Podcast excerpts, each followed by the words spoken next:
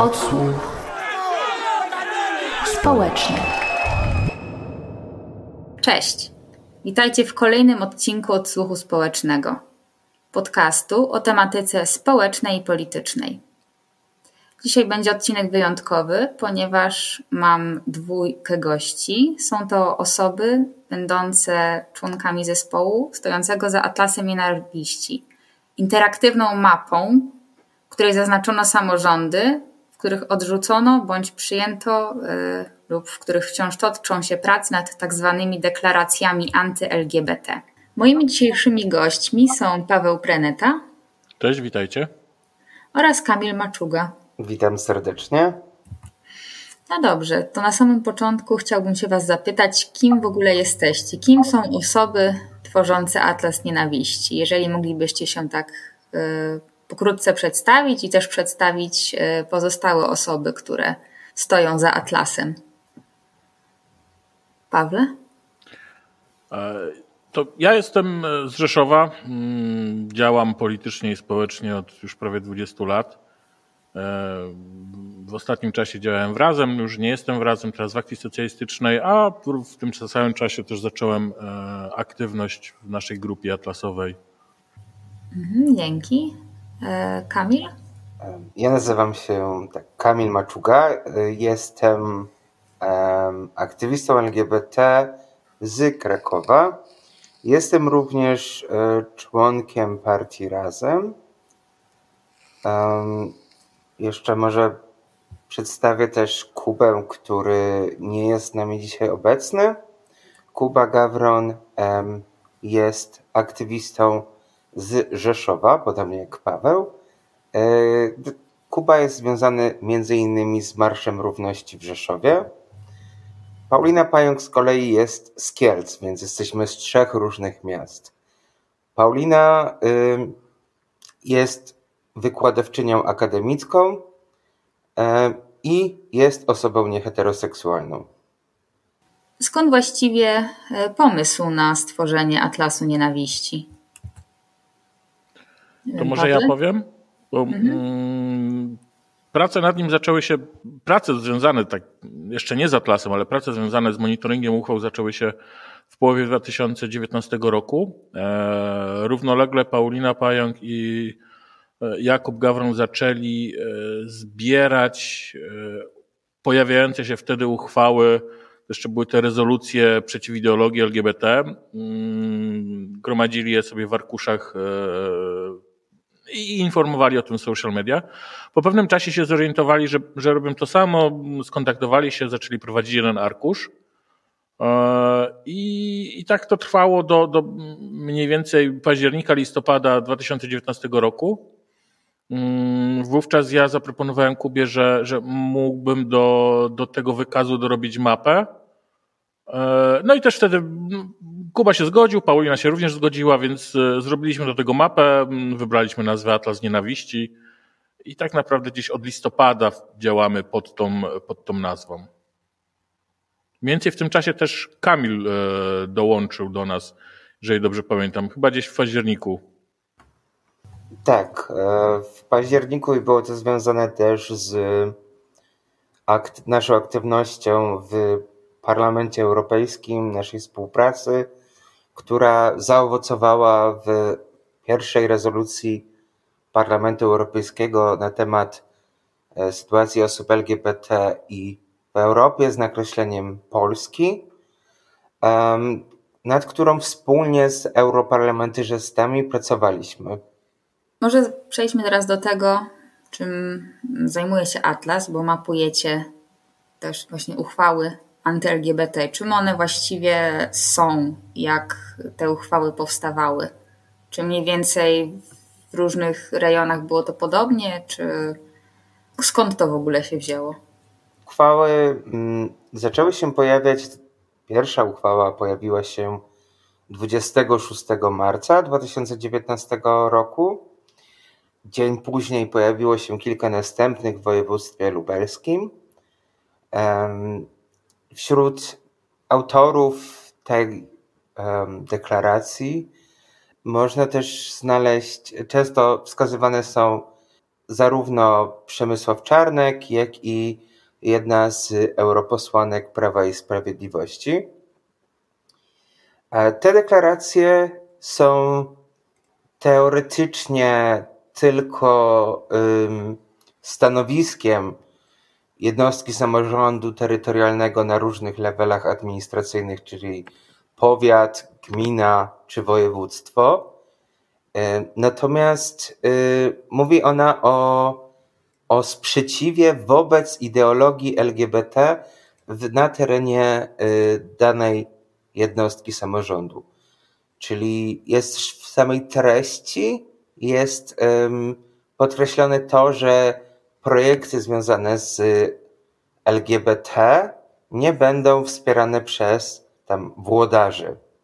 Jakie mogą być skutki e, właśnie tych uchwał?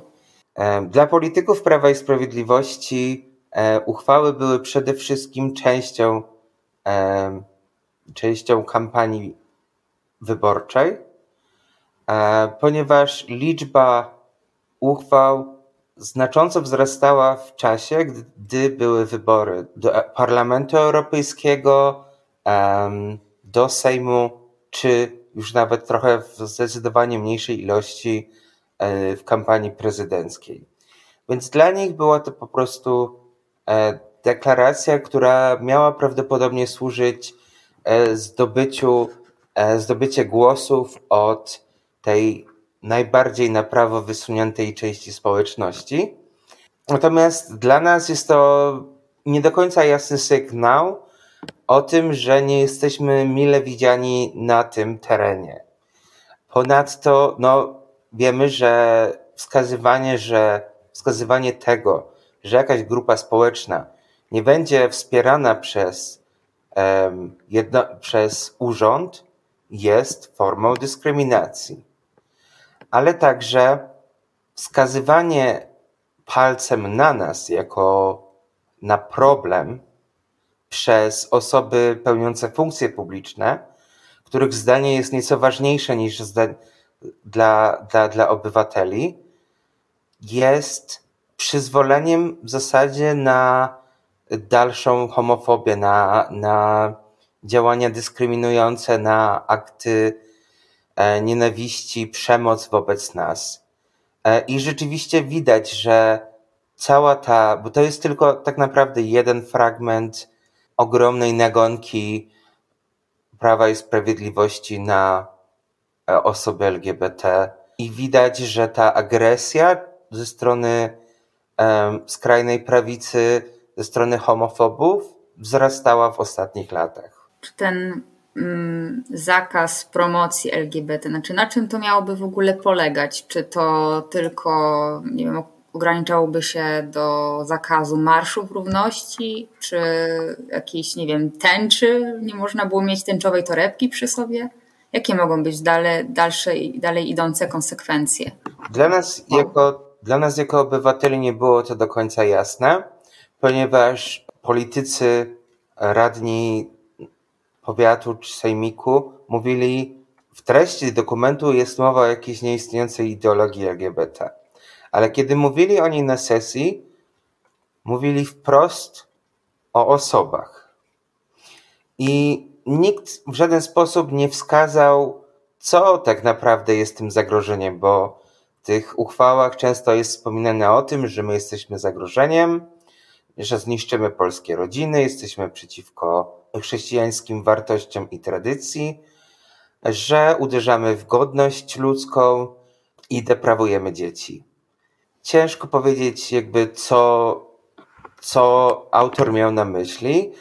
E, oczywiście to, z czym e, bardzo często prawica walczy, to są nie tylko marsze równości, bo y, czasem powstawały też oddzielne uchwały tylko po to, by zaproponować zakaz marszu równości na terenie jakiegoś miasta. Ale to, czemu często prawica się sprzeciwia, to jest sama edukacja antydyskryminacyjna.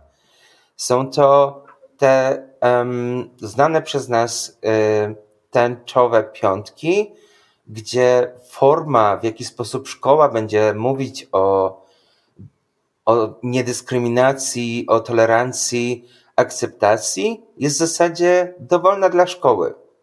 I z tym bardzo często prawica walczy, ponieważ uważa to już za zdeprawowanie dzieci, mówienie im o tym, że ich kolega, który e, woli kolegów, ma do tego prawo, ma prawo kochać e, kogo chce i nie jest zagrożeniem dla nikogo. Udało Wam się stworzyć atlas, w którym zmapowaliście jednostki samorządu terytorialnego, które mm, są nieprzychylne osobom ze społeczności LGBTQ. Y, I wasz projekt no, spotkał się ty, y, z, z różnym przyjęciem, również y, tym negatywnym, zwłaszcza ze strony tych konserwatywnych, skrajnie prawicowych mediów oraz organizacji. No, jeżeli moglibyście trochę o tym opowiedzieć. Pawle, może teraz ty?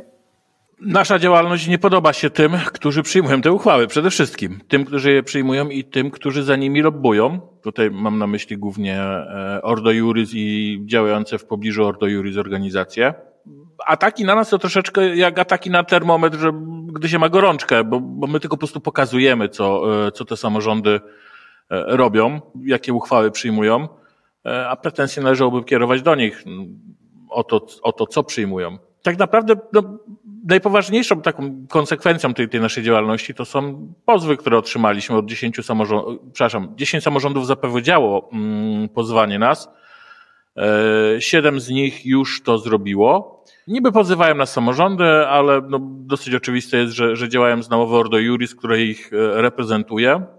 To jest najpoważniejsza konsekwencja, która, która mogłaby nam grozić, gdyby, gdybyśmy przegrali, bo w każdej takiej e, sprawie samorząd domaga się od nas 20 tysięcy złotych za zadośćuczynienia.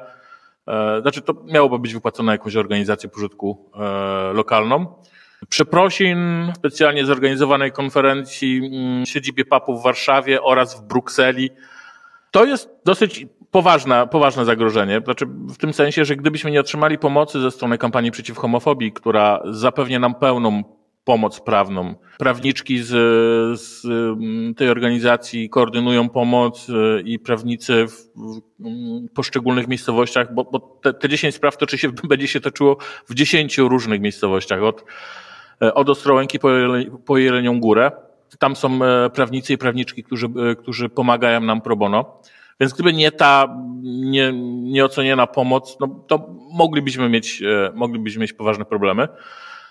Poza tym, no, moje, w mojej ocenie to, to głównie spotykamy się z mm, niezbyt przychylnymi relacjami mediów prawicowych, które mają do nas pretensje o, o, o naświetlanie tego problemu często nas obarczają winą za konsekwencje, które ponoszą samorządy za, za te swoje działania. Tak jakby zrywające partnerstwa miasta nie umiały same ocenić tych, tych uchwał, albo jakby europarlamentarzyści, którzy głosowali za, za, za rezolucjami potępiającymi te, e, te uchwały, nie umieli sami ich ocenić, bo, bo to, to też na, na rozprawie sądowej pierwszej, bo pierwsza już się odbyła, mm, to, była, mm, to był pozew powiatu przasnyskiego, pełnomocnik z Ordo Juris próbował dowodzić, że to e, nasza interpretacja spowodu, e, samorządowej karty praw rodzin spowodowała negatywne konsekwencje, jakie spadły na, na ten powiat. I, I że to przez nas Parlament Europejski e, przyjął rezolucję, która, która te uchwały potępia. Tutaj Kamil pewnie będzie mógł powiedzieć więcej, no ale prawda jest taka, że my, my nagłaśniamy tą sprawę, ale, ale każdy może ocenić te, te, te uchwały i, i one są w dosyć oczywisty sposób dyskryminujące E, i, i homofobiczne. A poza tym z jakichś negatywnych reakcji to ja, ja osobiście się nie spotkałem. No to, to, to są te, te, te medialne, medialne reakcje oraz, e, oraz e, no, pozwy sądowe. Dzięki. Nie wiem, czy Kamilu chciałbyś coś dodać? Może taki ciekawy przypadek, kiedy jeden z lokalnych dziennikarzy opisał naszą działalność jako terroryzm. Więc umieszczanie e, powiatów, gmin e, czy województw na mapie jest współczesnym terroryzmem według niektórych dziennikarzy. Zamach wielokątem na mapie. Na szczęście jednak e, Wasza praca została doceniona. W zeszłym roku byliście jednymi z laureatów Koron Równości, a w obecnym plebiscycie w 2021 roku mm, zostaliście członkami e, kapituły konkursowej. Tak, nie jest to też jedyna nominacja i nagroda, którą dostaliśmy. Bardzo oczywiście doceniamy to, że ludzie głosowali na nas e, w plebiscycie e, kampanii przeciw homofobii, ponieważ no to, nie jest, y, to nie jest też wskazywanie przez wybrane osoby, tylko każdy mógł zagłosować. Głosów było naprawdę dużo i bardzo nas cieszy to, że ktoś docenił naszą pracę. Oprócz tej e, nagrody od kampanii przeciw homofobii, byliśmy też nominowani do Nagrody Sacharowa i jesteśmy chyba jedynymi Polakami w historii, e, którzy byli nominowani do e, takiej nagrody za walkę o prawa człowieka. Oczywiście to nie pojawiło się w polskich mediach, natomiast dla nas ta nominacja też jest wielkim zaszczytem. Dostaliśmy też nagrodę od y, Pride'u w Berlinie oraz nagrodę miasta Paryża za walkę o prawa osób LGBT. Natomiast y, to, co nas, mnie osobiście bardziej cieszy niż te wszystkie nagrody, jest to, że trochę dzięki naszej pracy, dzięki naświetlaniu, udało się osiągnąć trochę wiele rzeczy, ale też udało się wielu aktywistom, wielu osobom z mniejszych miejscowości zorganizować jakieś działania równościowe po raz pierwszy na terenie ich miast, jako wyraz sprzeciwu wobec tej deklaracji um, anty-LGBT w ich terenie. Więc y, dla mnie takim najbardziej wzruszającym momentem działalności było to, jak widziałem aktywistki i aktywistów robiących coś po raz pierwszy w bardzo trudnym rejonie w ich ojczystym mieście. No, warto dodać, że jedna z takich osób, Cezary Nieradko, jest e, również nominowany do mm, Koron Równości w tym roku. Jest, e, jest aktywistą z Kraśnika, bardzo trudnego regionu, gdzie, gdzie też w pewnym sensie działa w, w odpowiedzi na, na te działania, które, które podjął samorząd. Odsłuch społeczny. Śledź nas na Twitterze i Instagramie. Od momentu, kiedy powstał Atlas, już trochę czasu minęło, jednak e, cały czas e, temat nie, nie cichnie. No, chociażby w dniu, w którym nagrywamy ten odcinek, miała miejsce rozprawa e, na sesji Sejmiku Województwa Małopolskiego. Tak, jest to nadzwyczajna sesja Sejmiku Małopolskiego, która została przełożona z wtorku na czwartek z powodu problemów technicznych.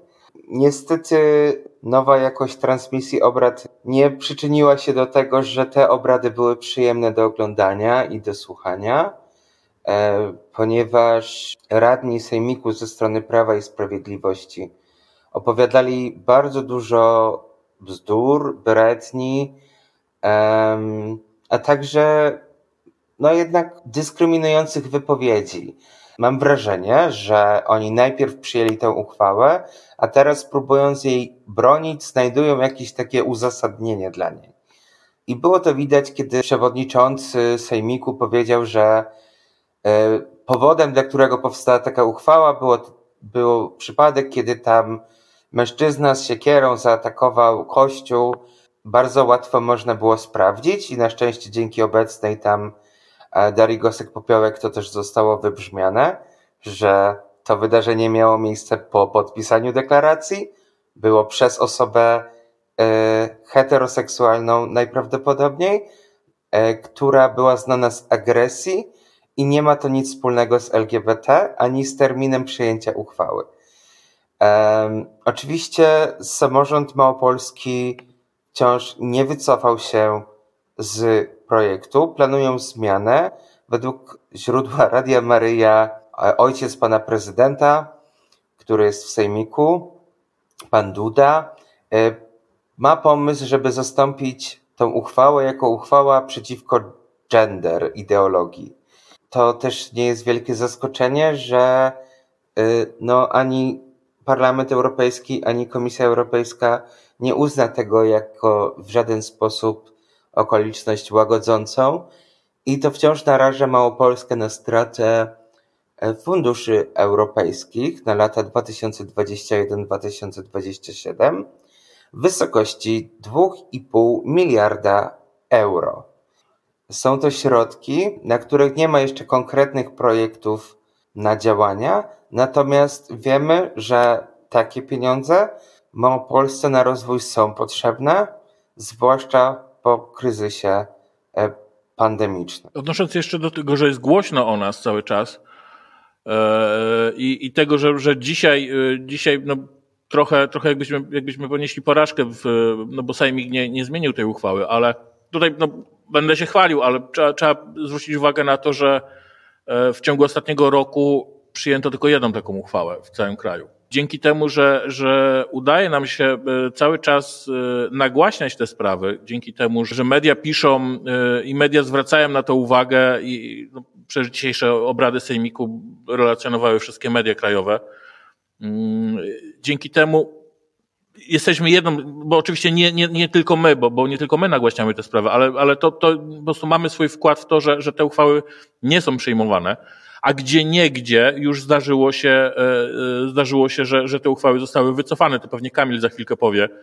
E, natomiast ja bym chciał zwrócić uwagę na to, że, że właśnie tego typu nagłaśnianie spraw i, i przyciąganie uwagi publicznej pozwala na patrzenie na ręce samorządowcom i to zadziałało. W tym roku został przyjęty, jedna taka uchwała została przyjęta przez powiat mielecki w czerwcu tego roku, a wcześniejsza, wcześniej taka uchwała była przyjęta w czerwcu 2020 roku przez e, gminę Niedźwiedź.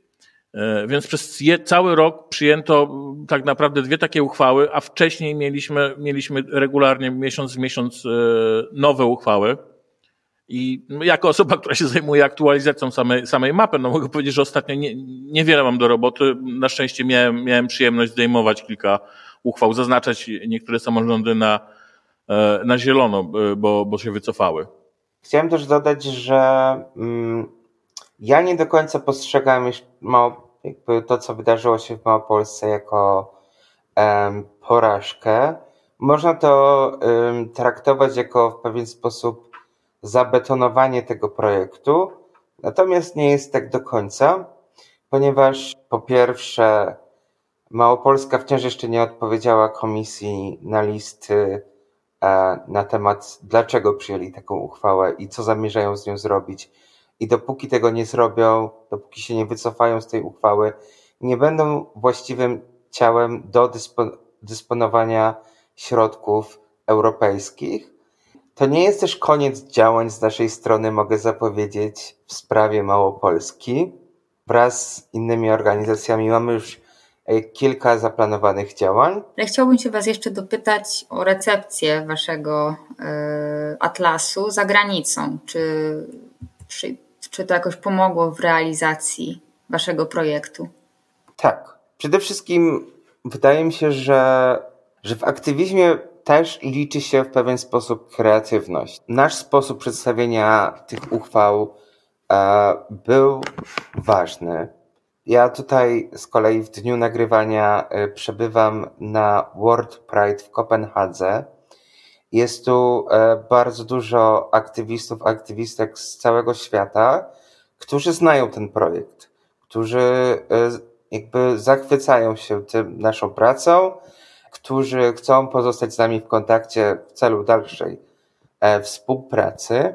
Natomiast tutaj trochę też chcę zaznaczyć, co było powiedziane wcześniej przez Pawła. To znaczy, my oczywiście prezentujemy te dane w taki sposób, jaki one zostały przyjęte, a sposób interpretacji jakby pozostaje wciąż e, w kwestiach e, podmiotu oceniającego. To znaczy, na przykład y, Rada Europy wydała specjalne memorandum na temat y, tych uchwał i oni sami po kolei dokładnie ocenili, jak te uchwały wpływają na rzeczywistość, e, dlaczego są dyskryminujące i rozróżniają też e, uchwały anty-LGBT oraz inne uchwały LGBT pod nazwą Samorządowa Karta Praw Rodzin. Ja mogę jeszcze dodać to, że gdy, gdy kontaktowaliśmy się z, przynajmniej wtedy, kiedy ja miałem kontakt z osobami z Niemiec czy jednym działaczem z Francji, to jest bardzo duża świadomość tego, co, co się dzieje. To my, my dostarczamy pewnych materiałów, które pozwalają zorientować się, jaka jest skala, śledzić te, te pojawiające się uchwały. E, natomiast to, to nie jest tak, że, że, że gdyby nie my, to, to, to nie wiem, na, na przykład Niemcy e, nie wiedzieliby, co się tutaj dzieje. Gdy, gdy byliśmy odbierać nagrodę od berlińskiego Pride'u, to w trakcie rozmów okazało, okazywało się, że niemieccy aktywiści bardzo doskonale, bardzo dobrze wiedzą, co tu się dzieje. Wiedzieli, jaka jest różnica między, między uchwałami tymi przeciwko, rezolucją przeciwko ideologii LGBT, a samorządowej karcie praw rodzin. E, wiedzieli, czym jest Ordo Juris mają naprawdę bardzo, przyglądają się i dużo wiedzą o tym, co tu się dzieje. My trochę pomagamy przy tym, żeby dostarczamy argumentów, pokazujemy, co się dzieje, e, ale mam wrażenie, że społeczność międzynarodowa, przynajmniej ta europejska, obserwuje to, to, to co tutaj się dzieje, no, pewnie w dużej mierze z, ze zdziwieniem pomieszanym z przerażeniem. Może na sam koniec zapytam się Was e, taką Waszą retrospektywną ocenę projektu, jak, e, co, co sądzicie o Atlasie, tak z perspektywy czasu? Czy macie jakieś e, dalsze plany na przyszłe działania, czy może jakieś nowe projekty w głowie? Jeżeli chodzi o taką naszą ocenę projektu, to też nie jest tak, że w jakiś sposób któryś dzień zebraliśmy się i zastanawialiśmy się na tym, e, ocenialiśmy to, jak to wygląda. Są to raczej nasze osobiste, prywatne spostrzeżenia. Wydaje mi się, że zrobiliśmy wszystko najlepiej, jak potrafiliśmy, przy warunkach, jakie mamy, bo też chcę zaznaczyć, że jesteśmy osobami zatrudnionymi w swoich miejscach, jakby w swoich korporacjach, czy uczelniach, czy w innych miejscach pracy, nie związanych z aktywizmem. I wszystko to, co zrobiliśmy w sprawie Atlasu, robiliśmy po godzinach wolontaryjnie. Jak na te warunki, jak zrobiliśmy coś, co przerosło w zasadzie nasze oczekiwania. Tak jak wspominaliśmy o pewnych sukcesach, ja mam raczej takie podejście, że stawiam sobie małe cele, żeby, żeby się nie zawieść i no oczywiście, że się tutaj nie zawiodłem, ale na plus się bardzo zaskoczyłem. Jeżeli chodzi o nasze nowe projekty, to myślę, że tutaj jeszcze nie do końca mamy jakąś ujednoliconą ścieżkę. Chcielibyśmy i być może się, być może, być może to zrobimy, e, trochę sformalizujemy atlas, po prostu tworząc fundację choćby z tego względu, że, że są, są pewne działania, które, które moglibyśmy prowadzić jako fundacja, a których nie możemy jako osoby, no, nieformalny kolektyw, ale no, jeszcze, tutaj jeszcze, jeszcze długa droga przed nami, po prostu na razie rozważamy, więc być może z atlasu to się wykluje. Jeżeli chodzi o moje oczekiwania, to, to muszę, podobnie jak Kamil, no, ale to chyba nikt z nas w zespole nie planował tego, jak to się potoczy. Bo ja pamiętam, że w listopadzie 2019, e, gdy się w to zaangażowałem, ja dopiero co z razem odszedłem, miałem, e, miałem trochę wolnego czasu, więc pomyślałem, że no to pomogę Kubie w czymś.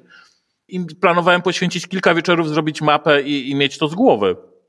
A, a później się okazało, że, że temat się rozwinął do tego stopnia, że e, no do dzisiaj nad tym działamy. Ja, ja oceniam, że odnieśliśmy sukces dużo większy niż, niż się spodziewaliśmy co oczywiście nas cieszy i to też, dla, dla, jeżeli słuchają nas jakieś osoby aktywistyczne, to, to też bym po prostu dał do zastanowienia się, że e, bardzo często możemy podejmować wiele inicjatyw e, i nie wiedzieć, która będzie tą, która, która przyniesie sukces, która, która się powiedzie, bo, bo przecież to, to, to w moim przypadku to nie jest pierwsza, to nie jest druga, to nawet nie jest dziesiąta inicjatywa. Po prostu trzeba robić i za którymś razem za którymś razem odniesie się duży sukces, a czasami się odnosi po prostu malutkie, drobne sukcesiki. Ja Wam bardzo, bardzo dziękuję za rozmowę i mam nadzieję, że mm, Wasze plany, czy, czy, czy jakby Atlas dalej będzie pomocny, dalej to będzie działało w pewnym sensie sprawa ta nie ucichnie, że nadal, no,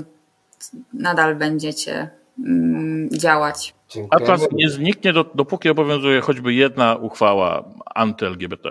Bardzo dziękuję Wam za wysłuchanie dzisiejszego odcinka. Jeśli Wam się spodobało, zachęcam do sprawdzenia poprzednich odcinków oraz obserwowania nas w naszych mediach społecznościowych. Dzisiejszy odcinek Odsłuchu Społecznego poprowadził Joasz Gierzyński, zrealizował Bartek Rogowski, a wydał go Mateusz Pigoń. Odsłuch społeczny.